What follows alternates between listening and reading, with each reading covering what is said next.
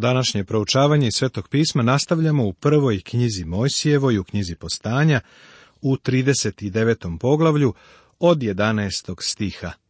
Tema je osveta Petefrijeve žene Josifu.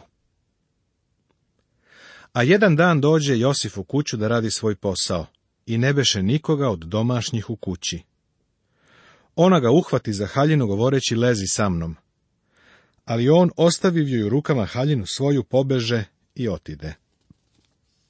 A kad ona vide gdje joj ostavi u rukama haljinu svoju i pobeže, viknu čeljad svoju i reče im govoreći, gledajte, doveo nam je čoveka jevrejina da nas sramoti.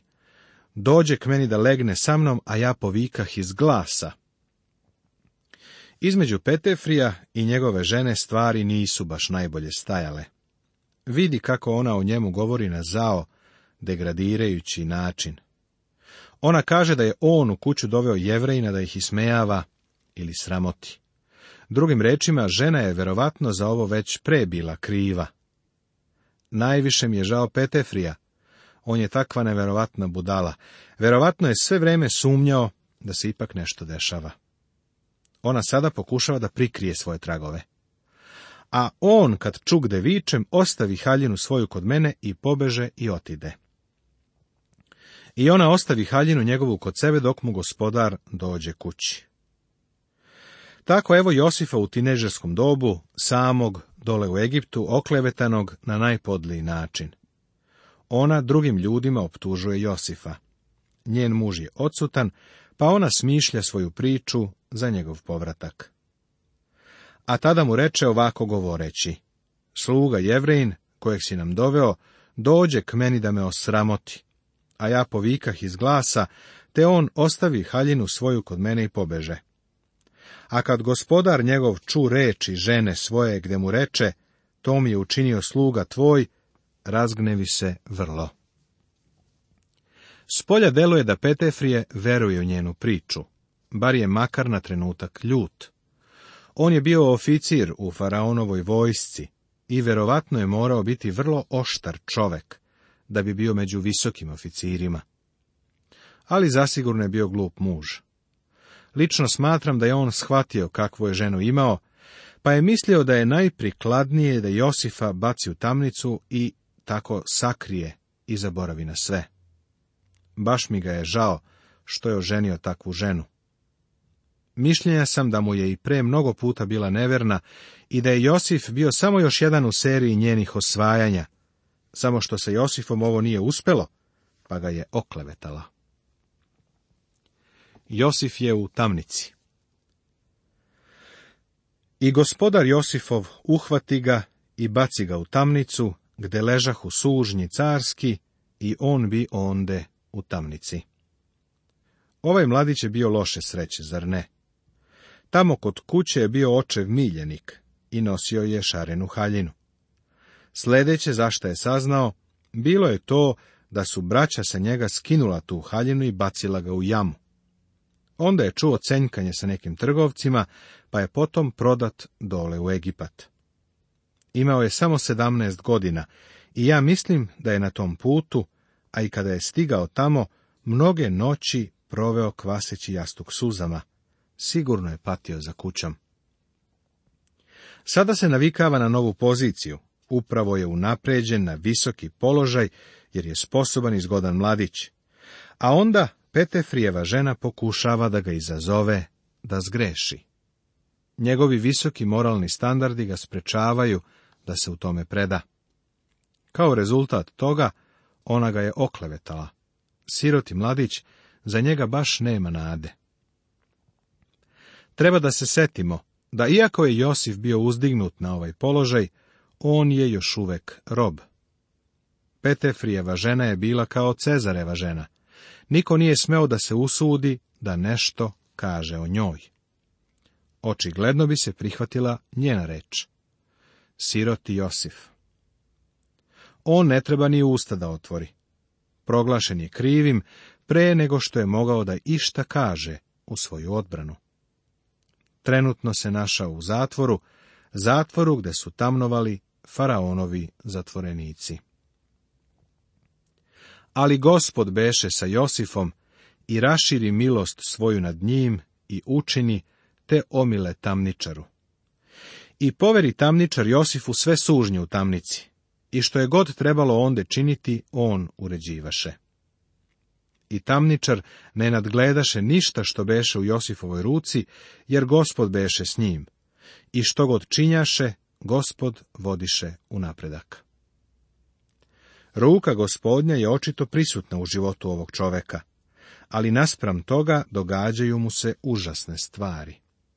Sada se našao u zatvoru. Kako bi to bilo obezhrabrujuće za jednu prosječnu osobu? Ali zanimljivo je to što je gospod sa Josifom. Iako mu se ne objavljuje, kao što se objavljivao drugim praocima, pokazuje mu svoju milost. Prvo dovodi do toga da ga čuvar u zatvoru zavoli i stekne poverenje u njega. Iako je Josif prirodno vrlo zgodan i izvanrednih sposobnosti, ipak je važno primetiti da sve ovo ne bi ništa vredelo da gospod nije bio sa njim. Bog jeste sa njim i vodi ga. Sva ova iskustva idu kao ostvarenju cilja u životu ovog mladića. Josif je ovo shvatio, pa mu je to dalo lakoću i optimističan stav. Okolnosti ga nisu rušile. On je živeo iznad svojih okolnosti. Ja imam prijatelja propovednika koji mi kaže da je moj problem to što su moje okolnosti uvek iznad mene. Mislim da mnogi od nas žive tako. Ali Josif je živeo iznad svojih okolnosti. Gospod je bio sa njim. On je uvideo Božju ruku u svom životu, pa nije bio obeshrabren. Obeshrabrenje je jedno od najfinijih sotonskih oružja, obeshrabrenje i razočarenje. Ovaj mladić je izgleda nadvisio sve svoje okolnosti. On nas podsjeća na stih iz poslanice jevrejima. Svako karanje, naime, u sadašnje vrijeme ne izgleda da je na radost, nego na žalost, ali kasnije daje miran rod pravednosti onima koji su njime izvežbani. Piše u poslanici Jevrejima u 12. poglavlju 11. stihu Svetoga pisma Novog Zaveta. Karanje gospodnje će sigurno uroditi mirnim rodom pravednosti u životu ovoga mladića. Priča o Josifu nam otkriva da svaki čovek nema svoju cenu. Sotona kaže da ima, ali postojali su neki ljudi koje Sotona nije mogao da kupi. Josif je bio jedan od njih. Jov je još jedan, a onda je tu i apostol Pavle. Sotona prezire ljude, ali ovi i još mnogi drugi jesu ljudi koje Sotona nije mogao da kupi. Da li je Božja volja da Josif bude u zatvoru? Pa prijatelju, skoro je od suštinske važnosti da on bude tu. To ćemo vidjeti u sljedećem poglavlju. Poglavlje 40. Ovo poglavlje, umjesto da napreduje u iznošenju priče o Josifu, pre bismo mogli reći da usporava i to do tačke bez ikakvog kretanja. Vidimo kako je Josif u zatvoru, tu je sklonjen i ograničen nezahvalnošću faraonovog glavnog sluge. Možemo se pitati šta sve to znači. Hteo bih da kažem da je sve ovo bilo ispunjavanje Božijeg plana i cilja za Josifov život. To ćemo vidjeti dok budemo proučavali ovo poglavlje. U 37. poglavlju počeli smo da upoređujemo Josifa sa gospodom Isusom. Pošto smo sada već odmakli sa pričom, hajde da se zaustavimo i iznesemo još neka poređenja. Josif je bio poslat svojoj braći. Gospod Isus Hristos je bio poslat svojoj braći, izgubljenim ovcama doma Izraeljeva. Josifa su braća mrzela bez razloga, a gospod Isus o sebi ovako govori, bez razloga me mrziše. Josifa su prodala njegova braća a gospoda Isusa je prodao jedan od njegove braće. Josifa su prodali za dvadeset srebrnika. Gospoda Isusa su prodali za trideset srebrnika. Braća su kovala zaveru da ubiju Josifa. Braća su planirala da ubiju gospoda Isusa. K svojima dođe i svojega ne primiše, kaže se u Svetom pismu. Josif je bio bačen u jamu, što je za njega trebalo da bude mesto smrti. Gospod Isus je razapet. Josif je podignut iz jame. Gospod Isus je podignut iz mrtvih trećeg dana. Josif je bio poslušan ocu. Gospod Isus je bio poslušan svome ocu, pa je mogao reći da je uvek činio ono što je bilo ugodno njegovom ocu. Josifa je otac poslao da traži svoju braću rečeno nam je da je gospod Isus došao da izvrši volju svoga oca, kada je došao da traži i nađe svoju braću. Josifa su braća ismejavala. Kada su vidjeli da dolazi, rekli su, evo dolazi onaj koji sanja. Gospoda Isusa su ismejavala njegova braća. Kada je bio na krstu, rekli su, ako je Hristos, neka siđe sa krsta. Braća su odbila da prime Josifa, a gospodnja braća jevreji odbili su da prime Isusa. Savetovali su se i rešili da ubiju Josifa, a znamo da je bilo savjetovanje da se isplanira smrt gospoda Isusa. Josifova haljina je vraćena njegovom ocu, natopljena krvlju. Sa gospoda Isusa su uzeli plašt i kockali su se za njega. Nakon što je Josif prodat u Egipat, mnogo godina je bio izgubljen iz vida. Hristo se vazne u nebo. Rekao je svojim učenicima da ga neće vidjeti sve dok se ponovo ne vrati. Josifa su kušali svet, telo i đavo i on je odoleo. Gospoda Isusa su kušali svet, telo i đavo i on je izvojevao pobedu. Josif je u fizičkom smislu postao spasitelj sveta u toku tog perioda. Spasao ih je da ne umru od gladi. Gospod Isus Hristos je u svakom smislu spasitelj celoga sveta. Josifa su mrzela njegova braća i predala ga neznabošcima. On sam nije mogao da se odbrani i nepravedno je osuđen. Gospod Isus je također bio predat od strane verskih vođa, koji su ga potom predali neznabošcima. Bio je nedužan. Pilat nije verovao u optužbu protiv gospoda Isusa. Smatrao ga je nevinim, ali ga je ipak bičevao i kaznio. I Josif je morao da pretrpi, iako je Petefrije verovatno znao da je bio nedužan. Petefrije je morao da zadrži svoj stav i da se pokaže pred faraonom, baš kao i Pilat pred Cezarom. Josif je našao milost kod tamničara. U Isusovom slučaju rimski kapetan je rekao zaista, ovaj čovek beše sin Boži. Josif je ubrojan među prestupnike. Bio je na blagoslov za slugu peharnika, a sud za pekara, hlebara. Gospod Isus je razopet između dva lopova, razbojnika. Jedan je bio osuđen, a drugi blagosloven. U poglavlju koje je pred nama počet ćemo da uviđamo zašto je bila Božja volja da u ovo vrijeme Josif bude u tamnici. Josif tumači Peharnikov i Hlebarev san. Posle toga dogodi se, te Peharnik cara Misirskoga i Hlebar skriviše gospodaru svojemu, caru Misirskom. I faraon se razgnevi na ta dva dvoranina, na starešinu nad peharnicima i na starešinu nad hlebarima, i baci ih u tamnicu u kući zapovjednika stražarskoga, gde Josif beše sužanj. Ovo nije bila slučajnost. Šta nam ovo otkriva? Sigurno nam otkriva samovoljnu i diktatorsku poziciju i politiku koju je faraon u Egiptu imao i sprovodio. Ne znam šta je hlebar učinio, Možda su mu biskviti za doručak izgoreli. Iz nekog razloga faraon ga je poslao u zatvor. Šta je peharnik uradio?